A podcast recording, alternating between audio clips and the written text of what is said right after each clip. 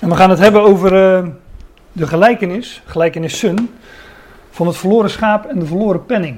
En ik moet allereerst mijn uh, excuus denk ik maken aan degenen die hier uh, gekomen zijn voor de gelijkenis van de verloren zoon.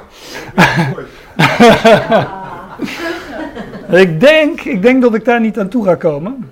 Um, daar kom ik aan hoor.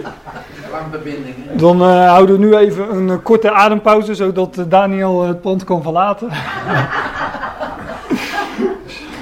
je hebt nu de gelegenheid nog om, om op te stappen. Um, nee, ik, wilde, ik, ik was van plan die drie gelijkenissen in, een, in één ochtend te bespreken. Ik denk, nou, dat lukt net.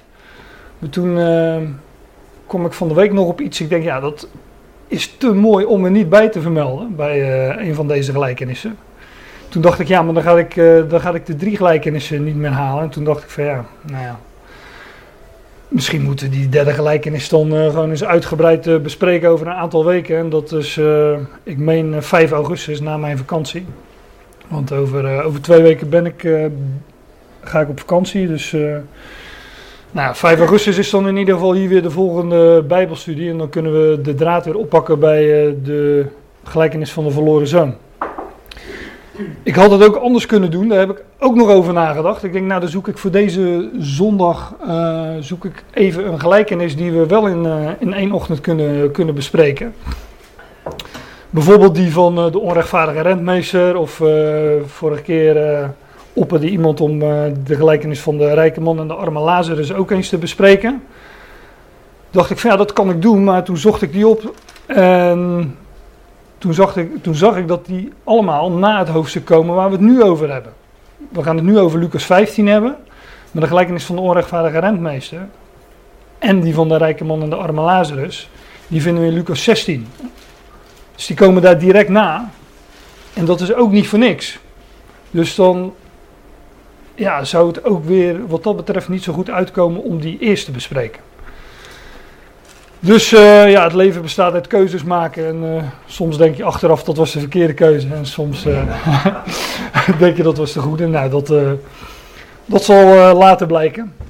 Maar voor nu heb ik, wil ik het in ieder geval over deze twee gelijkenissen hebben. Die van het verloren schaap en de verloren penning. Dat moet wel te halen zijn. um, laten we ze eerst even lezen. Lucas 15 is dat, zei ik al.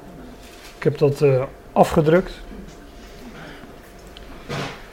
In herziene statenvertaling, voor degenen die, die daarin geïnteresseerd zijn. En dan staat in Lucas 15 vanaf we zijn. Al de tollenaars en de zondaars nu kwamen bij hem om hem te horen. En de fariseeën en de schriftgeleerden morden onder elkaar en zeiden: Deze man ontvangt zondaars en eet met hen. En hij, en hij sprak deze gelijkenis tot hen en zei: en dan komt dus de, de gelijkenis van het verloren schaap. Ik heb dat even aangegeven op de dia. Dat uh, doe ik ook niet voor niks, maar daar kom ik straks wel op. Welk mens onder u die 100 schapen heeft en er één verliest, verlaat niet de 99 in de woestijn en gaat achter het verlorene aan, totdat hij het vindt. En als hij het gevonden heeft, legt hij het vol blijdschap op zijn schouders. En als hij thuis komt, roept hij zijn vrienden en buren bijeen en zegt tegen hen: Wees blij met mij, want ik heb mijn schaap gevonden dat verloren was. Ik zeg u dat er evenzo blijdschap zal zijn in de hemel over één zondaar die zich bekeert. Meer dan over 99 rechtvaardigen die de bekering niet nodig hebben. En dan volgt een tweede gelijkenis. Of welke vrouw die tien penningen heeft en één penning verliest, steekt niet een lamp aan en veegt het huis en zoekt zorgvuldig totdat zij die vindt. En als zij hem gevonden heeft, roept zij haar vrienden en buurvrouwen bijeen en zegt: Wees blij met mij, want ik heb de penningen gevonden die ik verloren had. Zo zeg ik u is de blijdschap voor de engelen van God over één zondaar die zich bekeert. Nou, dat zijn dus die twee gelijkenissen. En daar volgt dus nog een, uh, een derde op. Die komt hier meteen achteraan. Die heb ik niet afgedrukt. En die volgende gelijkenis gaat er meteen achteraan dan zegt Jezus, en hij zeide, een zeker mens had twee zonen. Nou, en dan komt dus de gelijkenis die wij kennen als de verloren zoon. En deze drie gelijkenissen, die, uh, ja, dat zal, uh, zal niemand ontgaan, die vormen een eenheid. Het gaat telkens over twee groepen in deze gelijkenissen. Eén deel is niet verloren en één deel is wel verloren. Een verloren schaap, een verloren penning en een verloren zoon, zoals wij dat dan uh, noemen. want alle gelijkenissen hebben een naam. Hè? Want we hebben ze allemaal een naam gegeven, want dan weten we tenminste waar we, waar we het over hebben. Hoewel die namen uh, toch wel uh, discutabel zijn soms. Maar die van de verloren zoon bijvoorbeeld, waarbij altijd de nadruk ligt op, op die ene zoon.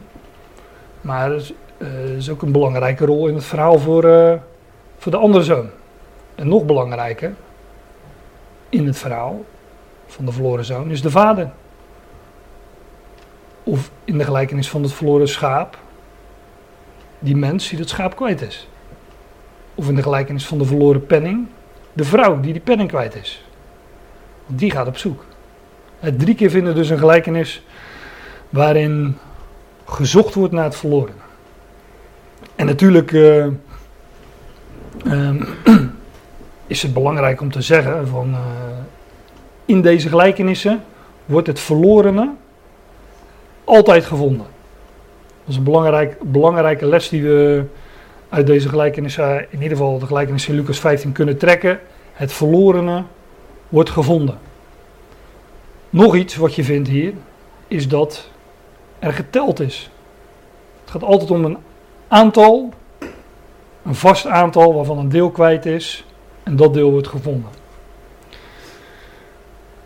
Kijk, de gangbare verklaring van zo'n gelijkenis als die van het verloren schaap is: uh, wij zijn het schaapje en Jezus zoekt ons en uh, nou ja, hij vindt ons dan. Of wij, of wij, laten ons vinden, dat is volgens mij meer in, uh, in evangelische kringen het idee. Maar dan zou het schaap een, een individu zijn, een van de kudde die verloren is, die kwijt is, zoek geraakt. En God zoekt dat verloren en hij vindt dat. daar worden deze gelijkenissen natuurlijk ook voor gebruikt in, uh, in evangelisatiebijeenkomsten. Um,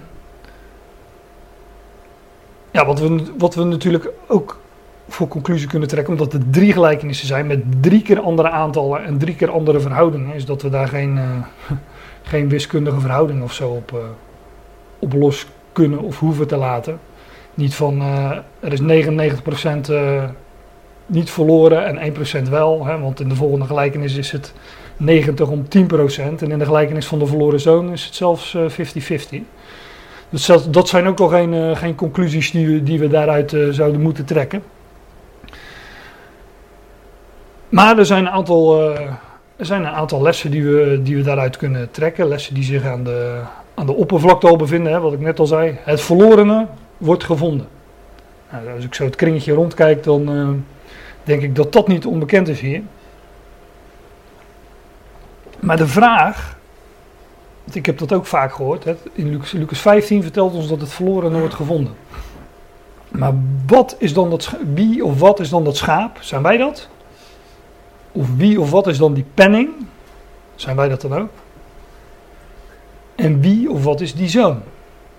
Daarover later meer, maar ik heb uh, een, een flauw vermoeden dat uh, als we die eerste twee gelijkenissen besproken hebben, dat, dat, dat jullie ook wel een bepaalde ideeën kunnen hebben bij wie, uh, wie uiteindelijk die twee zonen zijn. Want het zijn twee zonen. Twee zonen. Nou, ik heb dit in die eerste dia zo opgesplitst. Die eerste drie versen en dan het volgende, de gelijkenis van dat, van dat verloren schaap. Um, omdat dit eerste stuk echt de inleiding is tot deze gelijkenissen. En dat is belangrijk. En we hebben, vorige keer hadden we het, ja, vorige keer was dat over de gelijkenis van de barmhartige Samaritaan. En daar staat ook in Jezus antwoorden. En toen was zijn antwoord de gelijkenis van de barmhartige Samaritaan. Dat is een antwoord op een vraag van een schriftgeleerde. De vraag van die schriftgeleerde: wat moet ik doen om eeuwig leven te beërven? Toen zei Jezus, nou God, heel kort samengevat, God liefhebben boven alles en je naast als jezelf. Toen wilde hij zichzelf rechtvaardigen, want hij had iemand tegenover zich staan die hij sowieso niet lief had, want hij was hem aan het verzoeken. En toen vroeg hij, wie is mijn naaste? En toen antwoordde Jezus met de gelijkenis van de barmhartige Samaritaan. Dus die gelijkenis was een antwoord op de vraag van die schriftgeleerden. Nou, hier zien we dat tollenaars en zondaars bij Jezus kwamen om hem te horen. Zij kwamen om naar hem te luisteren. Tollenaars en zondaars. En weer die andere groep, fariseeën en schriftgeleerden. ik denk altijd als ik, als ik, de, als ik de, de evangelie lees dat Jezus alleen maar schriftgeleerden tegenkwam. Zieke, zieke mensen en uh, hoeren en tollenaren. Daar bestaat zo ongeveer uh, de, de, beschrijving van de vier evangelie. Maar die fariseeën en de schriftgeleerden waren het daar niet mee eens. Die morden, de Statenvertaling zegt geloof ik, uh, murmureerden. Maar ze morden onder elkaar en zeiden: Deze man ontvangt zondaars en eet met hen. De Jezus uh, sprak dus niet alleen met, uh, met die zondaren. Hij zocht ze ook op en hij zat zelfs met ze aan tafel. Um, en met de, de religieuze elite, want daar draait het daar gaat het hier om, de fariseeën en schriftgeleerden, ja, die waren het daar niet mee eens. Dat hij dat deed. Die, uh,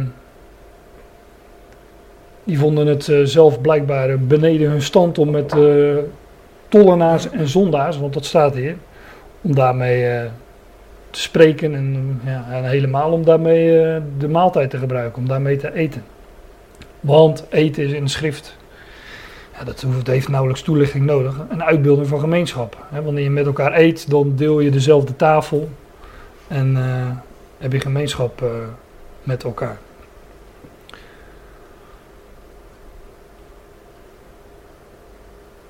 Nou, de gelijkenis die hier volgt, is dus een antwoord op wat we in die eerste, een, een reactie of een antwoord op wat we in die eerste drie versen vinden tollenaars en zondaren die bij Jezus uh, kwamen om hem te horen.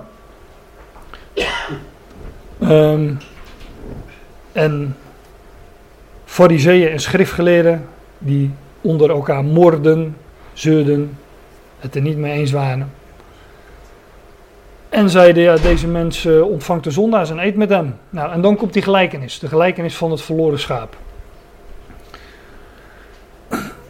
En ik, ik vind het ik vind het prima om zo'n gelijkenis toe te passen op de mens, hè, een individueel mens die verloren is. Jezus gaat op zoek, die vindt die mens en die, uh, die brengt dat uh, bij zijn kudde.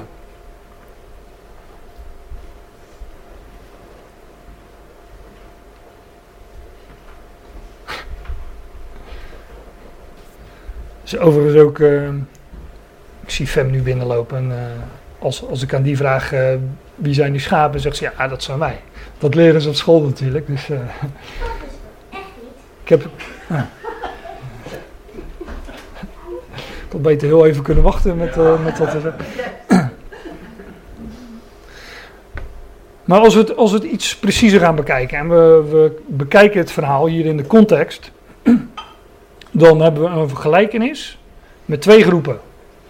99 schapen en één schaap. En we hebben in de aanleiding voor deze gelijkenis hebben we ook twee groepen. Fariseeën en schriftgeleerden en tollenaars en zondaren.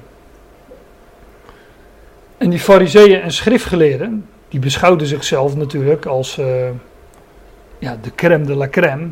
En zeker behoren tot, uh, tot die kudde van, uh, van God, want daar gaat het dan natuurlijk om.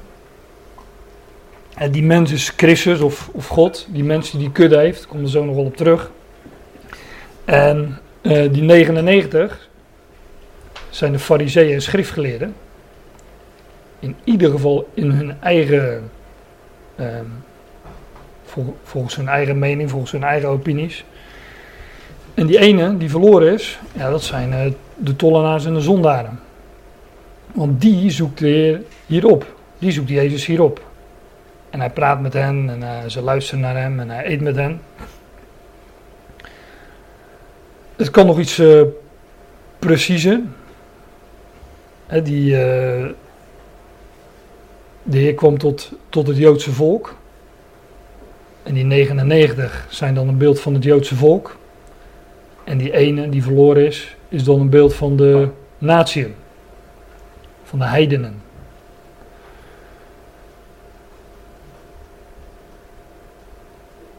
Overigens, we weten denk ik allemaal wat een tollenaar is. Maar we lezen die dingen en daar denken we niet zo heel vaak meer bij na.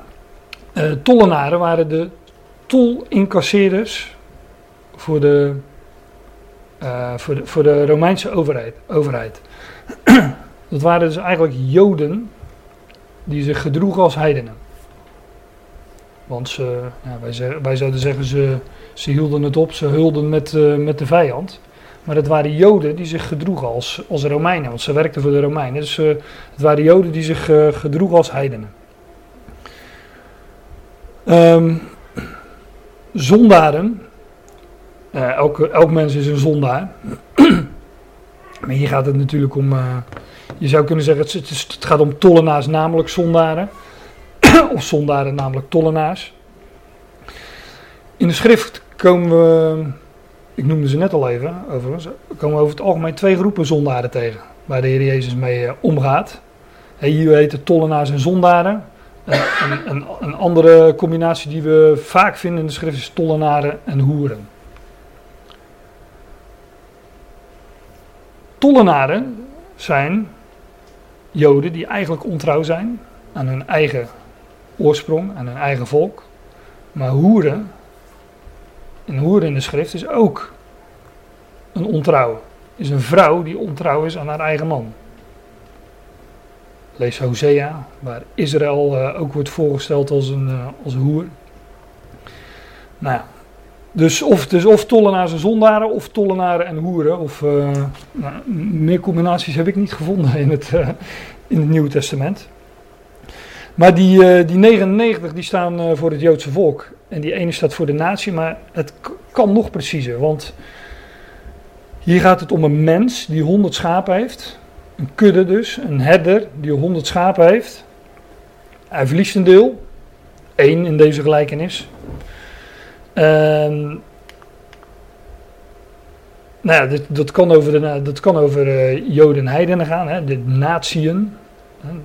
Want we, lezen dat die, tollen, dat die tollenaren en zondaren, die komen bij Jezus om, uh, om hem te horen. En later lezen we in Handelingen 28, als Paulus zegt dat, het, dat redding, het heil van, de, van het Joodse volk wordt afgenomen. En dat het naar de natie wordt gezonden, lezen we dit. Laat het dan aan jullie bekend zijn, zegt hij tegen Joden. De leidslieden van het Joodse volk, zegt Paulus dit. In Handelingen 28. Als hij gevangen zit in Rome, laat hij, komen daar Joodse leidslieden tot hem. En hij zegt tegen hem: Laat het dan aan jullie, Joden, bekend zijn dat deze redding van God tot de natie werd gezonden. En die zullen horen.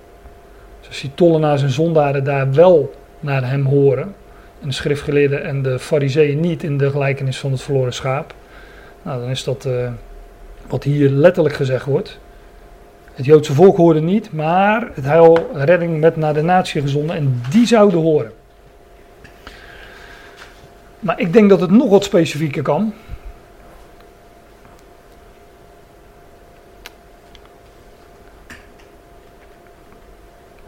Um, um, die, mens, die mens met die kudde. Ik ga even terug naar, uh, naar Lucas 15. Die, die mens met, met die kudde, dat, dat, is dus een header, want een header heeft een kudde. Nou, we, we weten allemaal wie. Uh, ik wil nu het plaatje even gaan inkleuren. We weten allemaal wie die header is. Hè? Johannes 10. De goede herder, dat is de Jezus Christus. Wordt, uh, wordt ook bezongen. Hoor mijn dochter bijna dagelijks zingen: Jezus is de goede herder.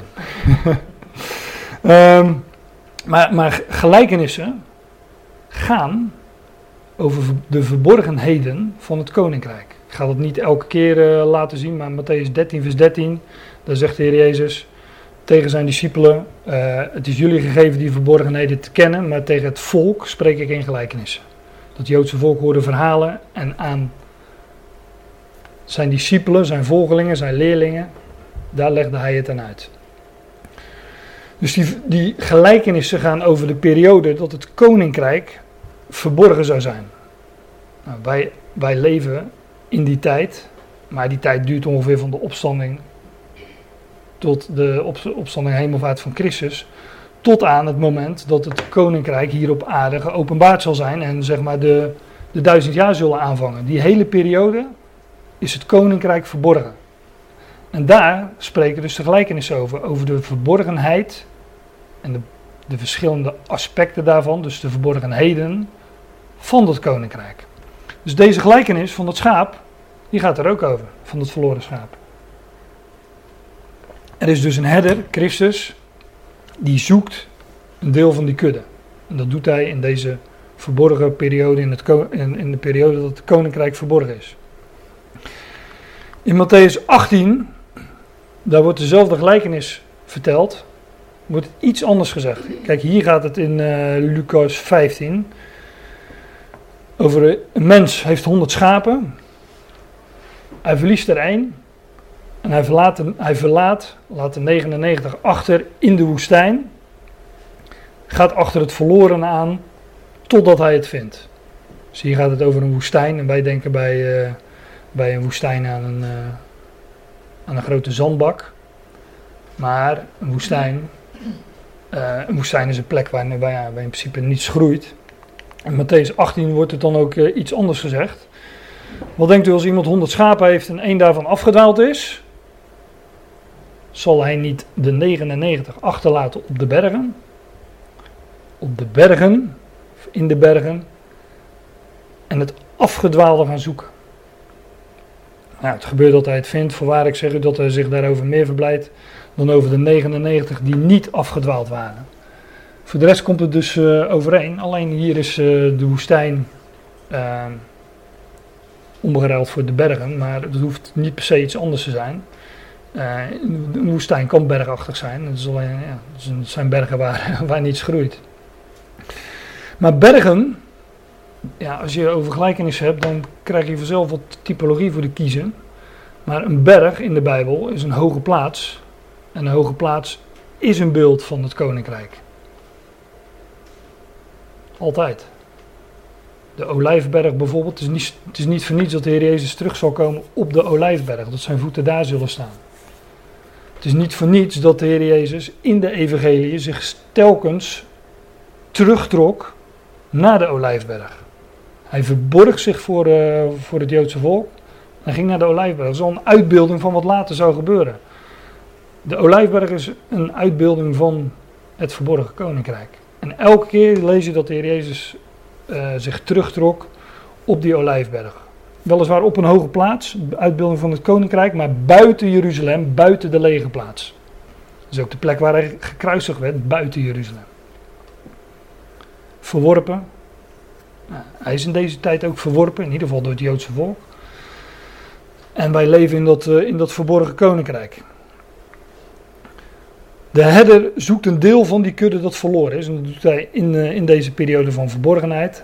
En hij laat, hij laat de 99 achter op de bergen. In het koninkrijk. In dat verborgen koninkrijk. En hij gaat op zoek naar dat andere deel. Maar ook de woestijn is ook een uitbeelding van de wereld waarin wij leven. Water is een uitbeelding van het woord van God. In deze wereld is gebrek aan woord van God. In de woestijn is gebrek aan water. Het is bijna niet te vinden. En als je het er vindt, dan komt het door een wonder. bijvoorbeeld dat het uit een rot stroomt. Of nou, zo gooi ik wat, uh, wat typologie door elkaar. Maar daar spreekt de hele schrift van. Zoek het woord woestijn op en, uh, in de schrift en je komt dit soort plaatjes tegen. Nou, een, een herder die ook koning is. Want we hebben het over een koninkrijk waarin de goede herder op zoek is naar een deel van de kudde. Ja, dat komen we ook wel vaker tegen in de Bijbel. Ik noem er een paar. David was een herder. Maar hij werd later koning. Later werd hij herder van een volk. Eerst was hij herder van schapen, later werd hij herder van een volk. Van Mozes lezen we dat hij 40 jaar opgroeide aan het hof van Farao. Daarna ging hij uh, op de vlucht. 40 jaar was hij in het buitenland, buiten het land. Net als Jezus op de Olijfberg of uh, bij buiten het Joodse volk staan, om het zo te zeggen. Maar 40 jaar werd, groeide hij op aan het hof van Farao. 40 jaar was hij bij, zijn, bij een andere tak van de familie in Midian, in het buitenland, bij zijn schoon, want hij trouwde daar, bij zijn schoonvader Jethro. Wat was Jethro voor beroep? Van beroep? Schaapherder, maar wat was hij nog meer? Priester. Priester. Ja, dat is bijna hetzelfde. dat is bijna hetzelfde. Maar dat was ook een priester. En dus een, ook dat is een uitbeelding van de, van de verborgen. Waarin de tijd waarin Christus, Mozes is een uitbeelding van Christus, verborgen is voor zijn volk. Maar hij is daar in het buitenland. En hij uh, onder, het, uh, onder de, de heerschappij van de priester. Wij leven ook onder de heerschappij van de hoge priester. En hij is daar in het buitenland. En uh, wat doet hij daar, Mozes? Hij krijgt twee zonen. Hij krijgt twee zonen, maar daar, komen we nog op, hè, op 5 augustus, over die twee zonen. Hij krijgt twee zonen en hij is daar schaapzedder. Met zijn schoonvader Jethro. En pas daarna gaat hij terug en voert het volk naar het beloofde land. Uitbeelden van de verhoging van Christus. Nou, dat vind je dus heel schrift door. En uh, uh, laat ik dan uh, Rachel nog noemen, want die is, die is veel minder bekend, want dat was een herderin. De enige vrouw waarvan in de Bijbel wordt gezegd dat, dat het een uh, herderin was, is, is Rachel. En, maar dit zeg ik echt voor de fijnproevers. Rachel was de moeder van Jozef. En Jozef was de vader van Ephraim. En Ephraim is de aanduiding van de tien stammen. Als je het niet snapt, maakt niet uit, maar daar hebben we het vorige keer ook even over gehad. um, en daar zullen we het straks ook nog wel over hebben. De vraag is, we weten wie die mens is, we weten wie die herder is. Hè? Uh, koning, hoge priester naar de ordening van Melchizedek, Heer Jezus Christus. Wat is die kudde? Nou, dat is niet moeilijk, want heel het oud... Pardon. Het hele Oude Testament spreekt over, nou niet helemaal, maar uh, doorheen het hele Oude Testament vinden wij schapen en kuddes. Bijvoorbeeld in Ezekiel 34. Want zo zegt de Heere Heere, zie, ik zal zelf... Ik ben iets vergeten. Voordat jullie geen beeld meer hebben en mijn laptop uh, uitvalt. Want zo zegt de Heere, Heere, zie ik zal zelf naar mijn schapen vragen en naar ze op zoek gaan. Hé. Hey. Hey. hey. Zoals een herder op zoek gaat naar zijn kudde. Op de dag dat hij te midden van zijn verspreide schaap is, zo zal ik op zoek gaan naar mijn schapen. Dus hier wordt die beeldspraak van een kudde en uh, een herder en iemand die zoekt naar een verloren deel van de schapen, naar verloren schapen, dat wordt hier ook gebruikt in Ezekiel 34. Ik zal ze redden uit alle plaatsen waarheen ze verspreid zijn op de dag van wolken en donkerheid. Ik zal ze uitleiden uit de volken, ze bijeenbrengen uit de landen en ze brengen naar hun land. Ik zal ze wijden op de bergen van Israël. Aha, die kudde is dus Israël. Kan niet missen. Bij de waterstromen en alle bewoonbare plaatsen van het land en een stukje verder, dan zullen ze weten dat ik de Heere Yahweh, hun God met ze ben en dat ze mijn volk zijn, het huis van Israël, spreekt de Heere Heer.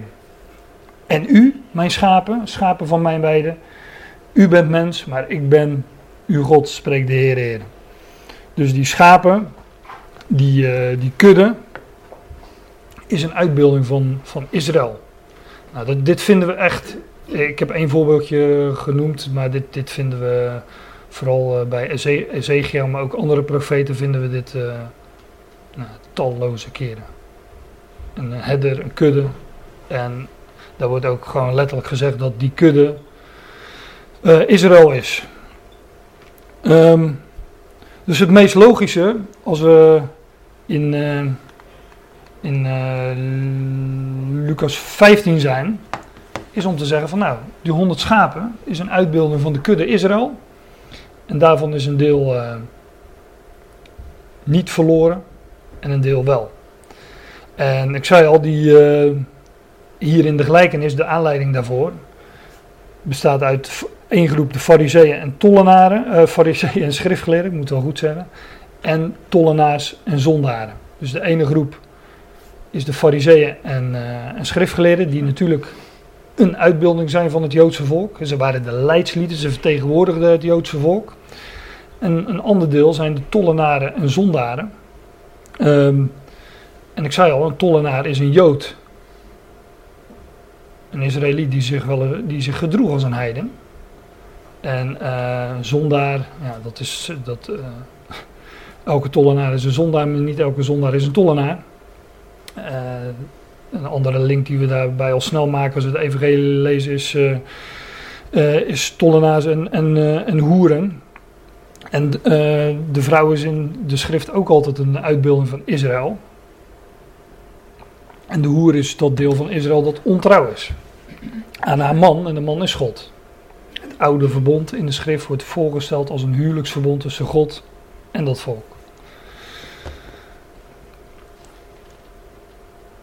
Nou, de, ik zou het iets specifieker maken, niet met zomaar de Joden en de natie, maar die kudde is in de eerste plaats Israël.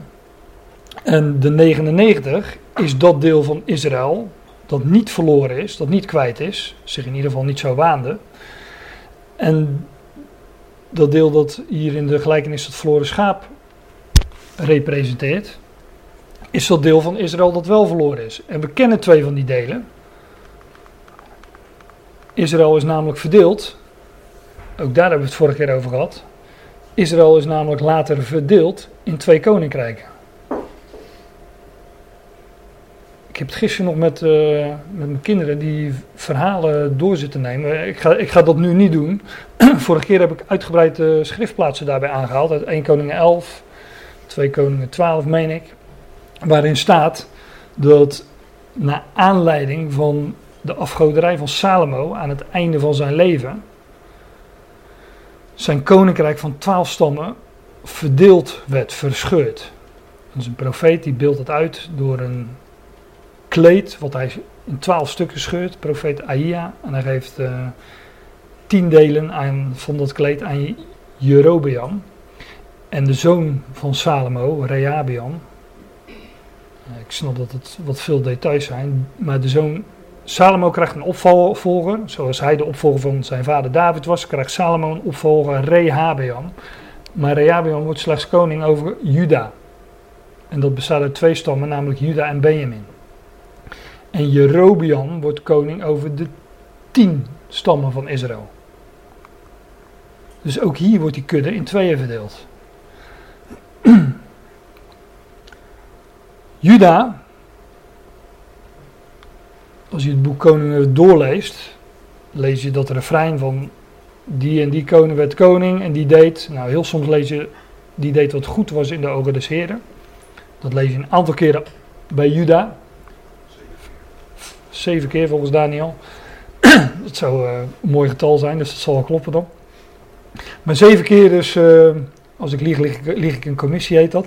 Uh, zeven keer lees je dus van een koning van Juda dat hij recht deed in de ogen des heren. En van alle overige koningen lees je dat hij deed wat kwaad was in de ogen des heren. En, er zijn twintig koningen worden genoemd.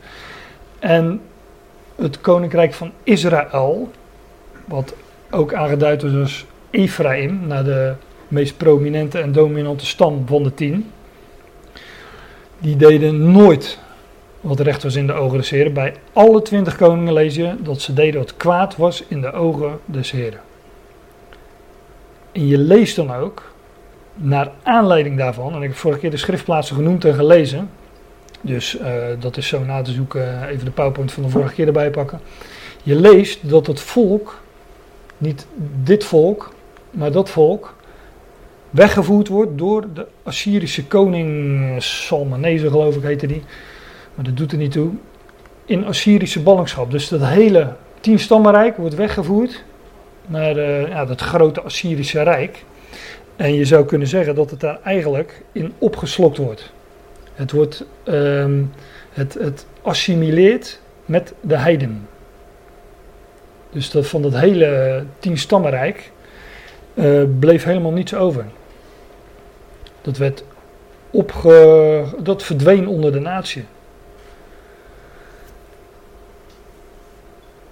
Toen dus redding, zoals, uh, dat is niet zo ver terug, toen Paulus dit dus zei, tegen dat Joodse volk, dat redding naar de natie ging, ging het dus ook naar die tien stammen, die intussen natieën, heidenen waren geworden. Want zij waren.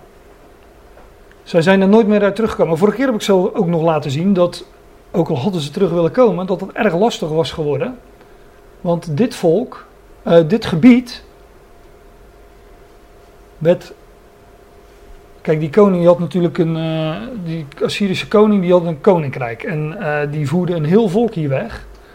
En hij dacht van ja, ik moet daar toch wat mee met het gebied. Dus hij stuurde mensen uit vijf delen van zijn koninkrijk daar naartoe, uit Babel en, en nog wat steden met moeilijke namen.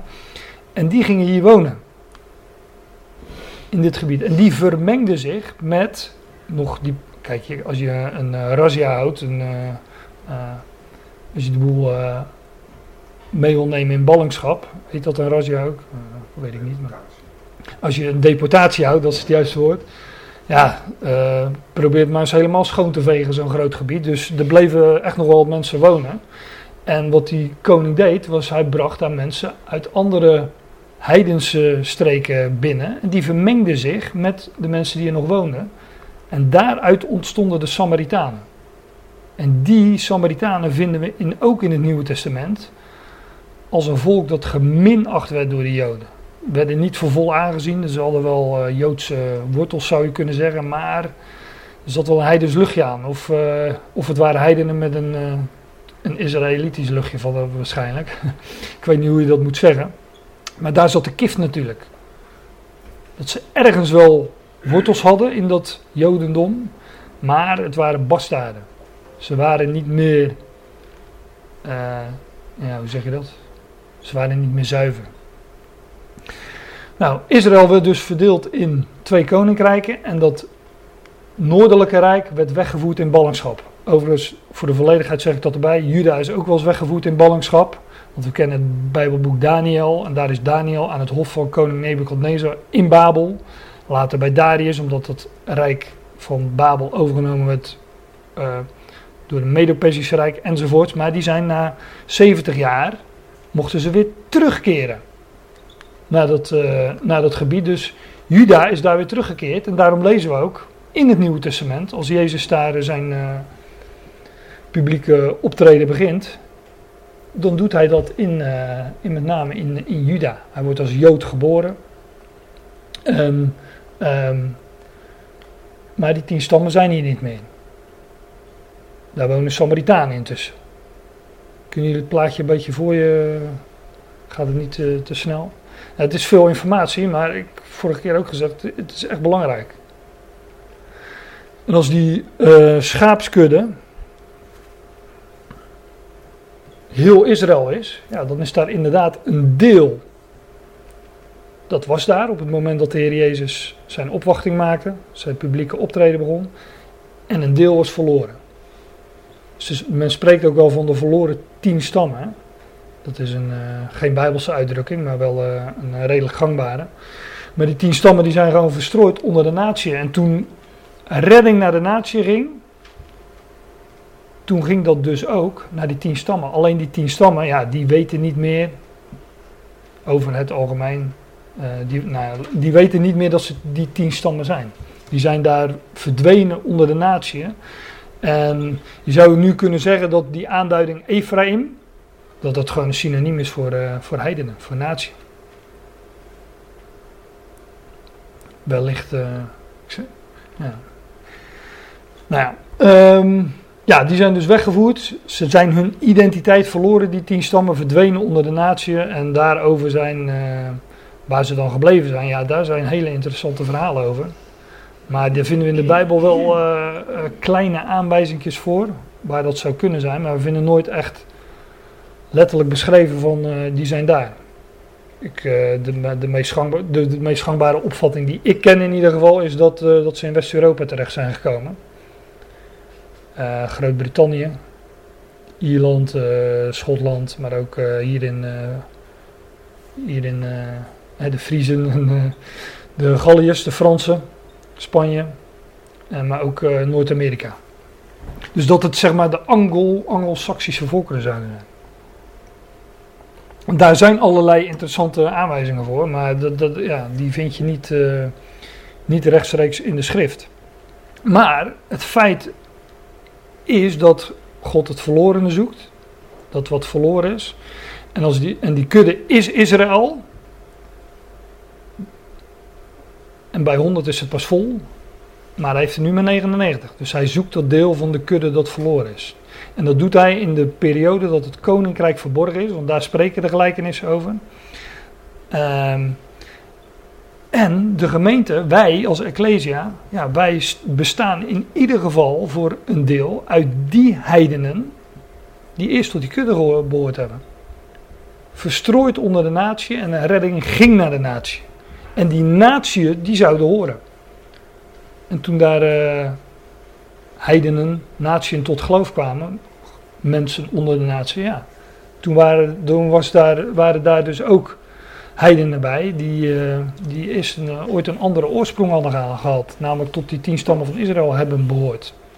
Alleen ja, die identiteit zijn ze kwijt. Dus daar kunnen ze geen aanspraak meer op maken. Maar dat is juist wat genade doet. Zoekt, het, zoekt juist diegene die nergens meer aanspraak op kunnen maken. Het, uh, genade is net water, het zoekt altijd het diepste punt. En daar, uh, daar vindt het onze ingang. um, ik zal even op de klok te kijken. Die, uh, ja, wat zou ik nog kunnen zeggen over de, nou ja, de, het gaat over 100 schapen. Bij 100 is het in ieder geval niet compleet. Bij, uh, ik, ik, ik, noem één voorbeeld. Ik, uh, ik heb ik van de week zitten zoeken met een concordantie, maar daar kom je, bij, kom je natuurlijk heel veel tegen. Maar de, de, het belangrijkste voorbeeld dat wij kennen is, uh, is Abraham. Die was 99 jaar oud. Toen werd hij besneden. Ontving hij dat zegel van de belofte. Maar bij 100 werd zijn zoon geboren. Bij 100 werden de beloften vervuld. Dus wanneer deze kudde compleet zal zijn, wanneer de honderdste zal zijn gevonden, ja, dan worden de beloften vervuld. Bij de honderd werd Isaac geboren. Noem een andere naam voor Isaac. Het zaad van Abraham. Maar, zegt Paulus in Galaten, wie dan van Christus is, indien jullie van Christus, Christus is het zaad van Abraham, zegt Paulus in Galaten, indien jullie van Christus zijn, ja, dan zijn jullie ook zaad van Abraham. Ja. Nou ja, um, wat kan ik daar nog meer over zeggen? 100 spreekt over, ook over ingaan in het koninkrijk. Zoek, zoek het getal maar op in de Bijbel. Eh, we, kennen allemaal de 10. De 10 is het woord van God, de 10 woorden van God. Of uh, in Genesis 1 vind je 10 keer en God zeide. 10 is dus onder andere een uh, representeert of is een uitbeelding van het woord van God. En 100 is 10 keer 10. Dus als God zijn woord vervult, dan komt de 100 tot stand. Daardoor spreekt dat ook van, van het koninkrijk. Maar ik zie dat het uh, een mooi moment is om, uh, om nu te gaan pauzeren. En dat maakt de tongen wel een beetje los, heb ik gemerkt. Um, nou, misschien worden die nog wel wat losser. ja. Um, nou, even kort samengevat, die, die, die, die, dat noordelijke tienstammenrijk werd weggevoerd in ballingschap, zoals je op dit uh, plaatje dan uh, ziet uitgebeeld. Verdween onder de natie en toen redding naar de natie ging, toen kwam dat dus ook bij, bij zij die ooit dat burgerrecht Israëls hadden gehad, maar daarvan vervreemd zijn, om het zo te zeggen. Um, maar dat is wat in deze periode van uh, verborgenheid gebeurt. Dat is overigens niet waar het uh, over gaat in Ezekiel uh, 34. Daar wordt gewoon gesproken over de toekomst waarin God uit alle windstreken die, die twaalf stammen weer zal gaan verzamelen. Dus die zullen dan toch aan zichzelf bekend worden gemaakt op de een of andere manier dat ze tot die twaalf stammen behoren. Want God, God weet wel waar ze zijn. God weet waar ze zijn. Dus die gaat ze opzoeken en ze bijeenbrengen in de schaapskooi. Weten jullie wat schaapskooi in het Hebreeuws is? Bosra, inderdaad. En um, wij waren van de week, daardoor kwam ik erop, bijeen met een uh, groepje vrienden en kennis, om het uh, zo te zeggen. Uh, omdat wij een reis willen gaan maken naar, naar Israël. Maar ook. Allemaal mannen, Anke. Anke. Waarom ja?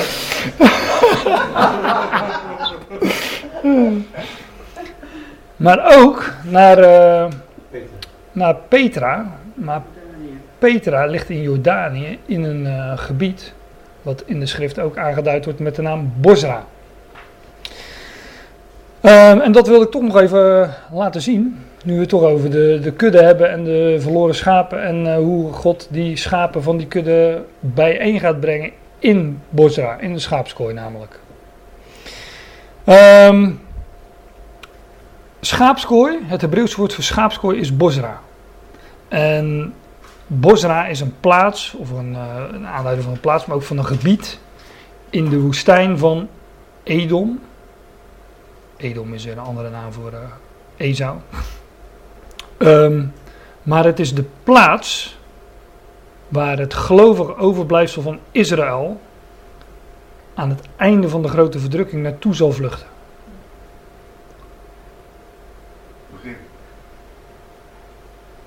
Ook, ja, ook. Ja. Het begin, maar ook aan het, aan het einde. Maar ik, uh, um, ik wil nu even de, de, de, nadruk leggen op, uh, op het einde van die, uh, van die grote verdrukking. Inderdaad zal, me, zal um, maar dat, dat, dat is een verhaal apart, aan het begin van die grote verdrukking ook uh, de mogelijkheid nog bestaan om daar, om daar naartoe, naartoe te gaan. Um, maar aan het einde van de grote verdrukking, ik noemde net al even de Olijfberg, en dat dat de plek is waar Jezus zal terugkomen. Dat uh, staat letterlijk zo in Zachariah 14. een bekende profetie, waar we uh, een hele ochtend over zouden kunnen praten over die paar versen. Dat doe ik niet. Ik wil nu even een paar aspecten uitlichten. Hier gaat het over Jeruzalem. Dan staat er, ziet er komt een dag voor de Here waarop de buit op u behaald in uw midden zal worden verdeeld. Dan zal ik alle heidenvolken verzamelen. De hele wereld, alle, al de naties zullen verenigd worden, de Verenigde Naties. En optrekken hier naartoe. Alle heidenvolken zullen verzameld worden voor de strijd tegen Jeruzalem. Nou, dat is grote verdrukking. dan zullen de benauwdheid van Jacob, wordt dat in de profetie ook wel genoemd, nou, dan zullen ze inderdaad benauwd zijn. De stad zal ingenomen worden, huizen zullen geplunderd, de vrouwen zullen verkracht worden, geschonden, zegt de Statenvertaling. De helft van de stad zal in ballingschap wegtrekken, maar het overige van het volk zal niet uitgeroeid worden uit de stad. En dan in vers 3, een ommekeer. Dan zal de Heere uittrekken en tegen die heidevolken strijden. Eerst worden, staat in vers 2, dus dan zal ik, zegt God, dan zal ik alle heidenvolken verzamelen voor de strijd tegen Jeruzalem. Dan wordt in vers 3 gezegd, dan zal de Heer Jabé uittrekken en tegen die heidenvolken strijden. Er gebeurt dus iets in die tussentijd, waardoor God die heidenen die hij daar zelf verzameld heeft, daar zal hij zelf tegen gaan strijden. Hij heeft ze daar verzameld, maar hij zal daar ook met die heidenvolken zelf afrekenen. En de reden daarvoor, die vind je in talloze andere profetieën, onder andere in het voorgaande hoofdstuk, Zachariah 13, het laatste vers, dat het volk in hun uiterste nood de naam van Yahweh zal aanroepen. Ze zullen, uh, ze, ze zullen in een uiterste benauwdheid, in een uiterste nood, in een uiterste angst roepen tot Yahweh. Van Yahweh, uh, ja, help ons. Overigens is dat een wonder, want die naam spreken ze nu niet uit. Hè? De naam des Heren, de naam van Jehovah, roepen zij niet aan. Dat doen ze uit uh, principe, vrome principes. Maar ze roepen die naam niet aan. Ze, volgens mij zeggen ze de Hashem, de naam. Als ze God, uh, als ze God aan willen duiden, dan hebben ze het over Hashem, de naam. Want de naam zelf mogen zij niet uitspreken, vinden ze. Onder allerlei vrome voorwenselen. Gij zult de naam des Heren, uw God, niet ijdel gebruiken. Volgens mij is ze daarop gebaseerd. Maar Paulus zegt in Romeinen 10 dat al wie de naam des Heren zal aanroepen, die zal gered worden. Nou, hier gaan ze dus de naam des Heren aanroepen. Dat staat niet in Zachariah 14, maar het voorgaande vers in Zachariah 13. En in Joel 2 en nou ja, enzovoort, enzovoort.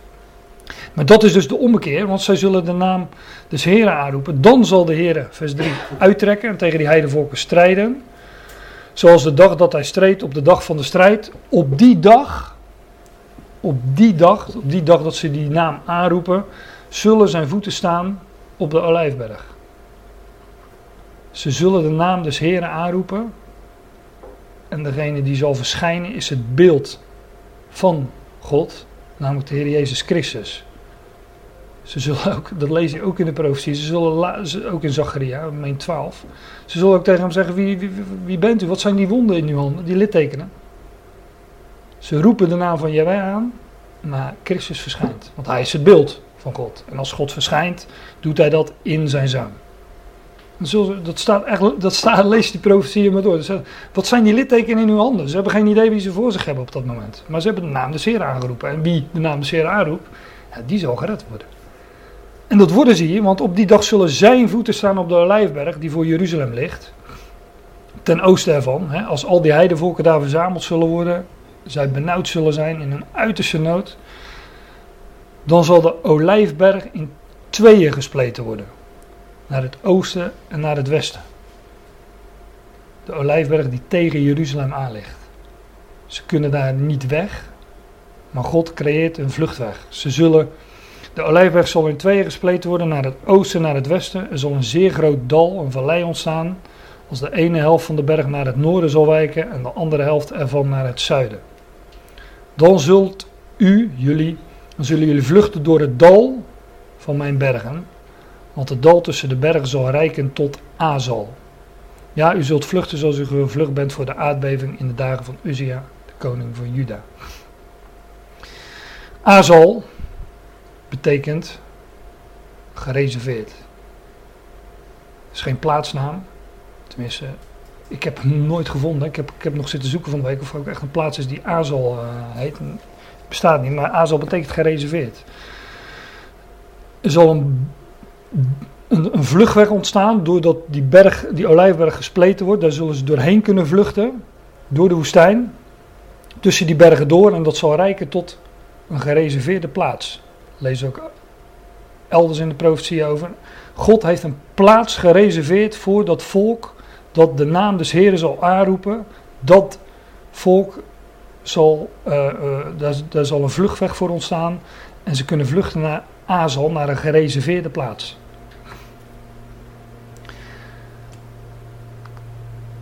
Die plaats vinden we in de woestijn van Edom. Dus het gebied Ancient Edom staat hier, voor degenen die dat niet kunnen lezen. Ik was aan het googelen, toen kwam ik op een eh, hele betrouwbare website. Dan vond ik dit plaatje, goedbericht.nl. Denk die plak ik er dan even naast. maar dat is inderdaad de woestijn van Edom. En in Edom is een gebied dat heet Bosra. Zie je hier ook, Bosra. Stad, of ja, het is ook een, een, plaats of een stad die zo heet, maar ook het, het uh, gebied daaromheen heet zo, Bosra. En in Bosra, en Bosra betekent schaapskooi. In Bosra vinden we een stad. En die stad die heet Petra. En in het Hebreeuws is dat Sela. Betekent rots. hm? Rust hoor. Uh, rust ook, ja. nou ja, ze zullen daar rusten. daar, daar kom ik straks denk ik ook nog op. Maar in die woestijn van Edom, daar, zit veel meer aan vast dan ik nu zeg. Daar, daar, bevindt zich dus een schaapskooi, een bosraap. In een stad, en een stad die genaamd wordt Petra, de rots. nou heb ik een aantal schriftplaatsen waar die naam Bosra voorkomt. En even in gedachten houden dat Zacharia 14, waar staat dat God alle heidenvolken tegen Jeruzalem zal verzamelen. En dat hij daarna zelf God uit zal trekken tegen die volkeren en met ze af zal rekenen. Met die Verenigde Naties. Ik ga er wel snel doorheen. Ik, ik lees ze echt alleen en ik stip een paar dingen aan. Zoek dat later allemaal nog maar eens na. Maar ik wil laten zien dat het telkens over hetzelfde gaat als, het, als er wordt gesproken over Bosra. Namelijk dat de volkeren daar in dat gebied van Edom worden verzameld. En dat God daar in de wijnpers met ze treedt. Uh, dat God ze oordeelt, dat, nou, enzovoort. Maar we gaan het gewoon lezen. Kom naar voren, hij de om te luisteren. Jezaja 34. Sla er acht op natie, laat de aarde luisteren en al wat zij bevat. De wereld en alles wat daarop uitspreidt. Want de grote toorn van de Heer, van Jahweh, richt zich tegen de heidevolken. Zijn grimmigheid tegen heel hun legermacht. Hij heeft hen met de ban geslagen en overgegeven ter slachting. Hun gesneuvelden zullen weggeworpen worden en van hun dode lichamen zal een stank opstijgen. De bergen zullen wegsmelten door hun bloed. Dat is allemaal nogal wat. Heel het sterrenleger aan de hemel zal vergaan. De hemel zal opgerold worden als een boekrol lezen we ook over in de profetie. Hè? Zon en maan zullen verduisterd worden, de hemel zal opgerold worden als een boekrol. Allemaal zaken waarop, de, allemaal, dit is allemaal een tijdsaanduiding van een bepaald moment in de, ja, in de nu nog uh, toekomst. De zon en maan zullen verduisterd worden, de, de, maan zal een schijnsel niet geven enzovoort. Nou, de hemel zal opgerold worden als een boekrol. Heel zijn leger zal vallen zoals bladeren vallen van een wijnstok en zoals vijgen vallen van een vijgenboom. Het gaat allemaal over oordeel. Mijn zwaard is dronken geworden in de hemel. Ziet, het zal neerdalen op Edom. Kaartje even snel erbij. Edom. Hè, waar, de, waar dat gebied zich bevindt. Zie, het zal neerdalen op Edom, was ik gebleven. Op het volk dat ik geslagen heb met de ban als een oordeel. Het zwaard van de van de Heer, is het vol bloed. Het is verzadigd van vet. Ook zoiets van het bloed van lammeren en bokken.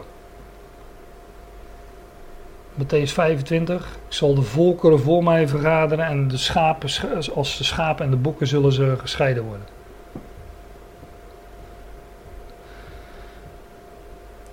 Van de bloed van lammer en bokken het niet van rammen, want de Heere richt een offer aan in Bosra.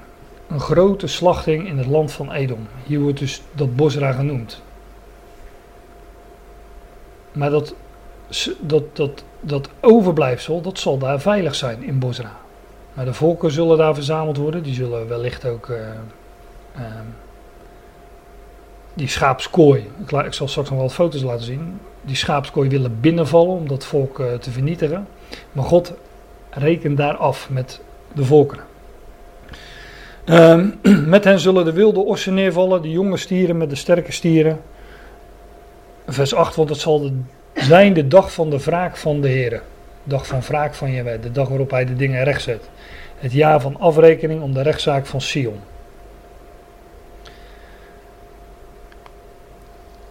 Isaiah 63 is misschien wel de bekendste. Wie is deze die uit Edom komt? In helrode kleding uit Bosra, die luisterrijk is in zijn gewaad, die voortrekt in zijn grote kracht. Ik ben het, die spreekt in gerechtigheid, die machtig ben om te verlossen.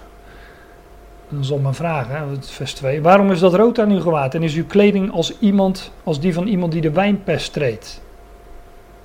Wijnpers is natuurlijk een beeld van, van verdrukking. Nou, dan staat in vers 3, ik heb de pers alleen getreden, er was niemand uit de volken met mij, ik heb hem vertreden in mijn toorn. En vertrapt in mijn grimmigheid, hun bloed is op mijn kleding gespat, heel mijn gewaad heb ik besmet. Want de dag van wraak was in mijn hart, het jaar van mijn verlosser was gekomen. Ik keek rond, maar er was niemand die mij hielp. Ik ontzette mij, want er was niemand die ondersteunde. Daarom heeft mijn arm mij heil verschaft mijn grimmigheid. Die heeft mij ondersteund. Ik heb de volken, ik heb de volken vertrapt in mijn toorn. Ik heb een dronken gemaakt in mijn grimmigheid. Ik zal hun bloed ter aarde doen neerdalen. Dat is dus wat plaats zal vinden in die woestijn van Edom, Bosra. Dan zullen de volken ja, verzameld worden, gericht en geoordeeld. Die volken die tegen Jeruzalem optrekken. Ik heb er nog een paar, ik heb er eigenlijk een beetje te veel denk ik, maar ik lees ze gewoon even door. Ik heb meer dan twee of drie getuigen, dus... Uh, ik heb bij mezelf gezworen, spreekt de Heer, dat Bosra zal worden tot een verschrikking, tot smaad, tot een verwoeste plaatsen, tot een vloek. Al zijn steden zullen tot eeuwige puinhopen worden. Zie, als een arend stijgt hij op, komt hij aanzwijven, spreidt hij zijn vleugels uit over Bosra. Het hart van de helden van Edom zal op die dag zijn als het hart van een vrouw in barensnood. Ook weer beschrijving van oordeel. Daarom zal ik vuur werpen in Temon. Dat zal de paleizen van Bosra verteren. Nou, Temon, daar ga ik nu maar niet op in, maar dat, heeft, dat, dat, dat is in ieder geval daar in hetzelfde gebied. Kijk, dit is een mooie. In verband met het onderwerp die we, dat we hebben. Micha 2. Ik zal u, Jacob, Jacob hè, die later uh, Israël genoemd werd. Ik zal u, Jacob, verzekeren verzamelen, geheel en al. Het gaat dus over de verzameling van Israël. Ik zal het overblijfsel van Israël, dat deel van de kudde dat, uh, dat kwijt is, zeg maar. Ik zal het overblijfsel van Israël zeker bijeenbrengen. Ik zal het samenbrengen als schapen van Bosra. Als een kudde midden in zijn weide. Het zal er gonzen van de mensen. Er is dus een plek waar God dat overblijfsel zal bijeenbrengen. En het zal, er, het zal zijn als een kudde midden in zijn weide. En het zal daar gonzen van de mensen. En hij is daarbij. Hè? De doorbreker heet hij hier, trekt voor hen op. Zij zullen doorbreken, door de poort trekken. En daardoor naar buiten gaan. Hun koning, hun koning, hij zal dan hun koning zijn. Dus op het moment dat ze hem geaccepteerd hebben als hun Messias, daar gaat het hier over. Het volk Israël zal, zal hem erkennen als Messias.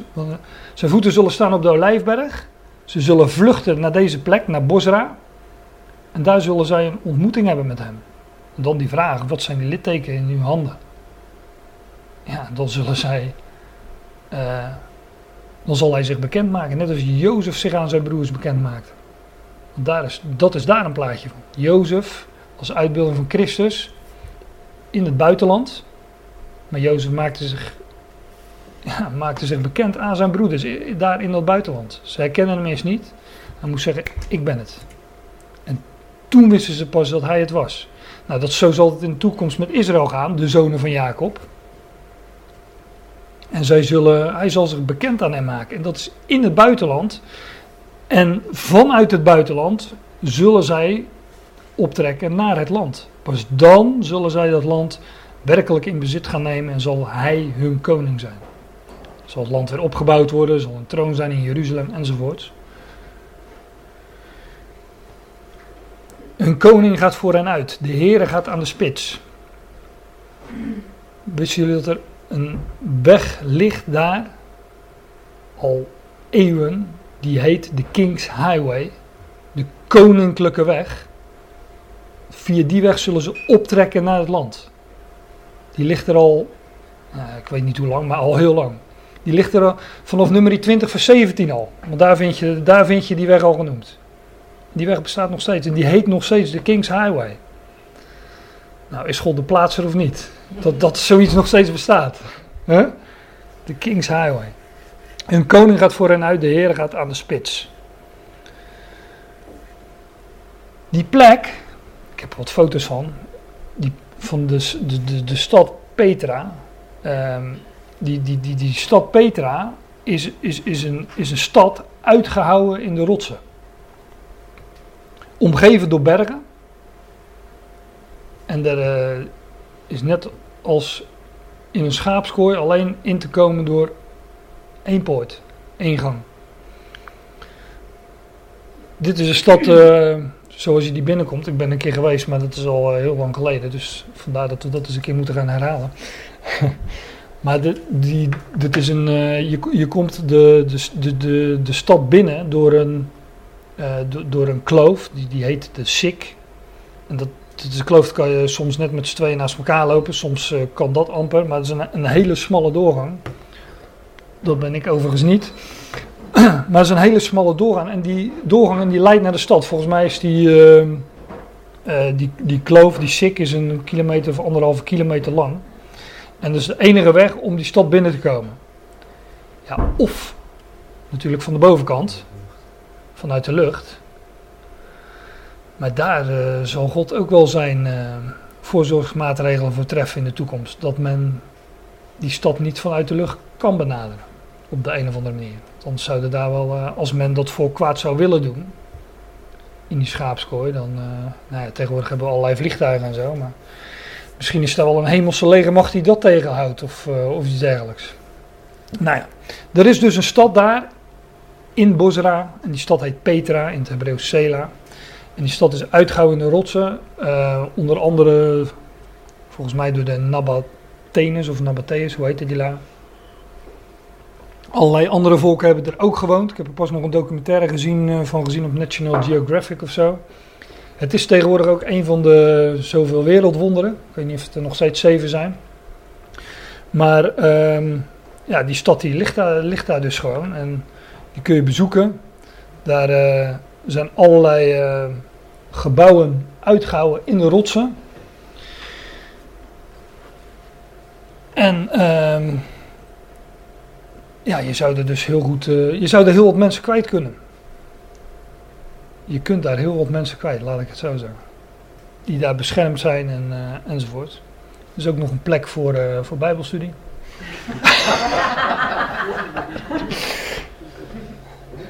Ja, op, de, sport is het een beetje te warm, denk ik daar, maar ja, je weet het niet. Maar allerlei. Ja, het is, het is, echt een hele bijzondere plek. Met, met allerlei gebouwen en uh, grotten uitgehouden in de rotsen. Plek om, om te schuilen. Kamelen heb je er ook. maar deze stad, deze stad Petra, die in het gebied van Bosra vinden we dus in de profetieën daarover al gezegd dat, dat, ja, dat God in dat gebied een gereserveerde plaats heeft voor dat volk. En als u het mij vraagt, gaat uh, het geloof ik overblijfsel van Israël vluchten in de toekomst door die olijfberg naar dit gebied. En zal God, zal Christus vanuit deze schaapskooi, waar zijn 99 schapen verzameld zijn, op zoek gaan naar het overgebleven deel. En het verzamelen uit alle volkeren. En terugbrengen naar de schaapskooi en uiteindelijk naar, uh, naar Israël natuurlijk. Naar het land zelf, het, het beloofde land. En dat in bezit nemen. Ja, nu zei, hadden we het net even over, uh, over Sela. Sela, dat is de uh, Hebreeuwse versie van de naam Petra. Um, en dat betekent ook rots. En jij zei al van, nou, volgens mij, dat betekent toch ook soms pauze. Maar we vinden dat Sela, vinden, dat vinden we vaak in de psalmen, maar ook hier in Habakkuk. En men zegt daarvan, ja, dat is een, een rustpunt in de, in de psalmen. En het zou best kunnen, maar het zou ook heel goed een andere betekenis kunnen hebben. God kwam van Theman, de heilige van het gebergte Paran. Dus ook is allemaal dat gebied. Sela. Of zou het zijn van Sela? God kwam van Theman, de heilige van het gebergte Paran, uit Sela. Het gaat allemaal over. Theman ligt daar uh, in, die, uh, in, in, in dat gebied. Paran ligt daar in het gebied. Sela ligt ook in dat gebied. En als je zo de psalmen gaat lezen, want daar komt die term Sela vaak voor. U bent mijn schuilplaats. U beschermt mij voor benauwdheid. U omringt mij met vrolijke gezangen van bevrijding. In Sela. Ja. Het kan best een, eh, het kan heel goed een plaatsaanduiding zijn. De plaatsaanduiding voor de stad Petra in, in het gebied van Bosra, die in het Hebreeuws Sela heet.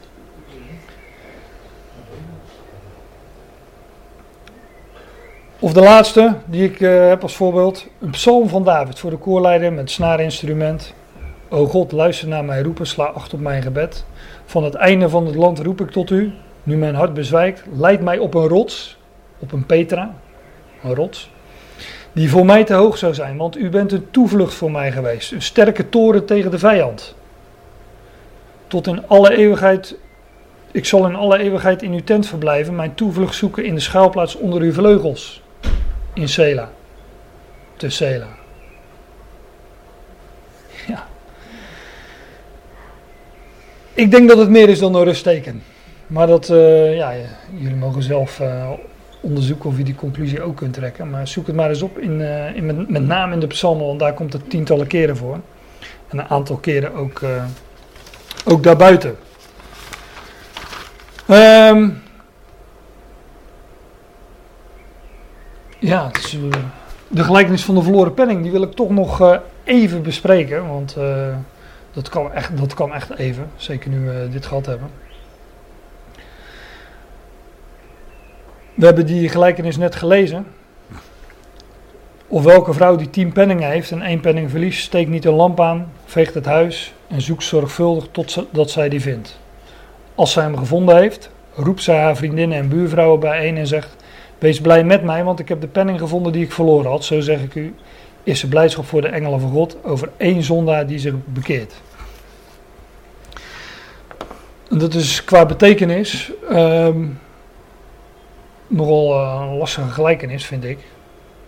Hm. Omdat die, uh, als je je focust op die penning, dan ben je snel klaar. Want dus dit is de enige plek waar, waar dit woord, penning, voorkomt. Het uh, Griekse woord is een drachma. Nou, dat is natuurlijk een, uh, een Griekse munt.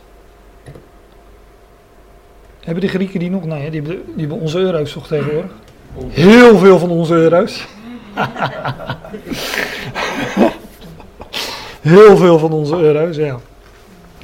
Maar dus, uh, als je het mij vraagt, kun je aan die. Uh, aan, aan, de betekenis. Uh, kijk, een schaap en een kudde, ja, daar, kun je wel, daar, kun je wel mee als je de profetieën leest, zoals we gezien hebben. Maar een penning, een drachme, ja, als, het komt echt alleen hiervoor. Normaal zoek je dan waar het nog meer voorkomt en trek je daar je conclusies uit. Maar dat is met, met deze drachme niet, niet te doen. Tenminste, dan ben je snel klaar. Alleen in deze gelijkenis komt het voor. Ik heb er wel allerlei dingen over gelezen. Men zegt daar wel van alles over. Men zegt van ja, um, die, um, die, die drachme was toen geen geldig betaalmiddel. Want in ieder geval in, in, in het gebied waar, waar Jezus die gelijkenis uitsprak, daar, uh, dat was in het Joodse land, onder, uh, onder bezetting van de Romeinen. Dus daar had men, nou ja, voor de tempeldienst geloof ik nog wel Joodse betaalmiddelen, maar over het algemeen werd daar met, wat is het, de denarius geloof ik, betaald. Hè, ehm, vinden we overigens ook nog wel in de evangelie, dat Jezus zegt van, laat mij die munten zien. En dan zegt hij van, nou wie staat erop? Nou, dat is de keizer. Nou, geef maar aan de keizer wat van de keizer is en aan God wat van God is. Dus die, die drachma was daar uh, uh, blijkbaar geen wettig betaalmiddel. Waarschijnlijk, dat is misschien ook de reden dat het alleen hier voorkomt. Maar voor die, uh, voor die vrouw is het blijkbaar wel een, een belangrijk bezit. En daarover zegt men dan weer, maar dat, dat, dat, dat vind je hier allemaal niet terug dat die vrouw die tien, dingen, die tien penningen aan een ketting had en dat er eentje vanaf was gevallen. Ja, dat kan allemaal, maar als het hier niet staat, zou ik die conclusie uh, niet trekken. Dus dat uh, is nogal een lastige.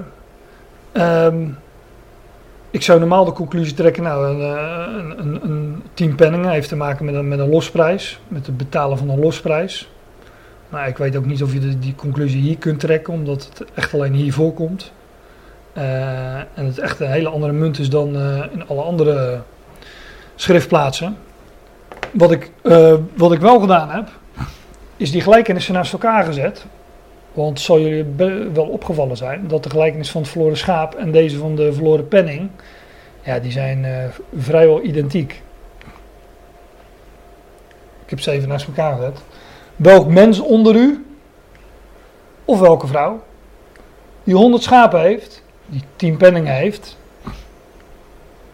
één van verliest en één penning verliest, verlaat niet de 99 in de woestijn en gaat achter het verloren aan, steekt niet een lamp aan en veegt het huis en zoekt zorgvuldig, totdat hij het vindt. Totdat zij die vindt. En als hij het gevonden heeft, legt hij het vol blijdschap op zijn schouders. En als hij hem gevonden heeft, en als hij thuis komt, roept hij zijn vrienden en buren bijeen en zegt tegen hen: Wees blij met mij, want ik heb mijn schaap gevonden dat verloren was. Roept zij haar vrienden en buurvrouwen bijeen en zegt: Wees blij met mij, want ik heb de penning gevonden die ik verloren had. Ik zeg u dat er evenzo blijdschap zal zijn in de hemel over één zondaar die zich bekeert, meer dan over 99 rechtvaardigen die de bekering niet nodig hebben. Zo zeg ik u, is er blijdschap voor de engelen van God over één zondaar die zich bekeert. Dus die gelijkenissen die komen, ja, die vertonen wel heel veel overeenkomsten. Dus als u mij vraagt, uh, komt de, de, betekenis ook voor uh, grotendeels, in ieder geval, overeen. Ik zeg al, die, die penning, ja, ik zou niet weten wat ik daar voor conclusies verder uit moet trekken. Maar um, het gaat beide om een eigenaar, eigenaresse in dit geval, die, die bezitting kwijt is en op zoek gaat en het vindt. Nu hebben wij wellicht wat moeite als Christus als type voor, uh, uitgebeeld wordt als een vrouw. Maar uh, kijk, mannelijk en vrouwelijk in de Bijbel is altijd het een ten opzichte van het ander. Schepping en schepper is ook vrouwelijk ten opzichte van mannelijk. En Christus is een onderdeel van Gods schepping. Sterker nog, hij is de eerstgeborene van heel de schepping. Laat ik dat dan in ieder geval even laten zien, want dat staat letterlijk zo in uh, Colossense 1 vers 15. Hij is de afbeelding van de onzichtbare God, de eerstgeborene. De eerste betekent dat van heel de schepping. en nou ja, als wij, uh, als wij moeite hebben om uh, Christus uitgebeeld te vinden in, in, in deze vrouw van die tien penningen. Dan heb ik er nog wel een paar, want ik noemde net Rachel al, de herderin. Wat dacht je van Deborah, de richteres? Of alle vrouwelijke offerdieren die wij in de Bijbel kennen? Dat zijn er ook nogal wat, hè? De, de bekendste is denk ik de, de, de rode vaars. Dat was een, uh, ik wou zeggen een vrouwtjeskoe, maar dat bestaat niet, hè? Dat was een... Uh, een vaas is een koe, alleen dan, uh, hoe het precies zit, weet, ik niet. Maar dat is voor mij een koe die of nog geen kalf gekregen heeft, of nog maar één kalf heeft gekregen. Hm? Nee? Geen. geen kalf, ja. Kijk, altijd mensen die er verstand van hebben. Maar, een, maar het is in ieder geval een, een koe, en dus een vrouwelijk. Vrouwelijk dus. Dus we vinden nogal wat, wat typen in de, in de schrift, vrouwelijk, die toch een type zijn van Christus. Ik zei al, uh, de vrouw is vaak een, eh, een uitbeelding van Israël. Maar hij is, hij is toch ook de Israëliet, het hoofd van, uh, van die familie. Nou ja. Dat. Uh, ja, om heel eerlijk te zeggen, veel meer kan ik er niet van maken van deze gelijkenis. er is een, een, vrouw als uitbeelding van Christus die, die haar bezit kwijt is. En ze zoekt dat bezit. En ja, wat, wat, wat dan die penning specifiek uitbeeldt, dat, dat, we, dat weet ik niet. In ieder geval wordt, wordt die penning gevonden. En in de andere gelijkenis is het een kudde. En in de volgende gelijkenis is het een zoon. En uh, we hebben gezien waar die kudde over gaat. Volgende keer wil ik uh, wat uitgebreid, uitgebreid ingaan op, op die twee zonen. Nou, de kaas, de lamp staat, staat hier. Dat is het ook letterlijk die lamp is natuurlijk een uitbeelding van het woord van God. Dat uh, uw, uh, Psalm 119, vers 100 eh, nog wat, 105 geloof ik. Uw woord is een lamp voor mijn voet en een licht op mijn pad. Maar het woord van God wordt voorgesteld als licht, als een lamp. En ja, God God zoekt in zijn huis, in zijn schepping, naar zijn bezit. En hij vindt dat ook. Totdat zij die vindt. Hè, totdat hij het vindt in de andere gelijkenis. Het huis is Israël, maar het huis is ook de schepping in, uh, in de schrift. En uh, hij is de eerstgeborene van heel die schepping, waardoor God deze hele schepping terug gaat brengen tot hem. En of dat nou penningen zijn, schapen of zonen, gevonden worden ze. En hij, uh, hij vindt zijn bezit, want het is namelijk zijn bezit. Dat zei ik aan het begin ook al, het is geteld. Of er nou honderd zijn, tien of twee, ze zijn geteld. Hij zoekt ze en hij uh, vindt ze. En dan wilde ik het voor uh, deze ochtend maar bij laten. En de volgende keer daarover verder gaan over die twee zonen.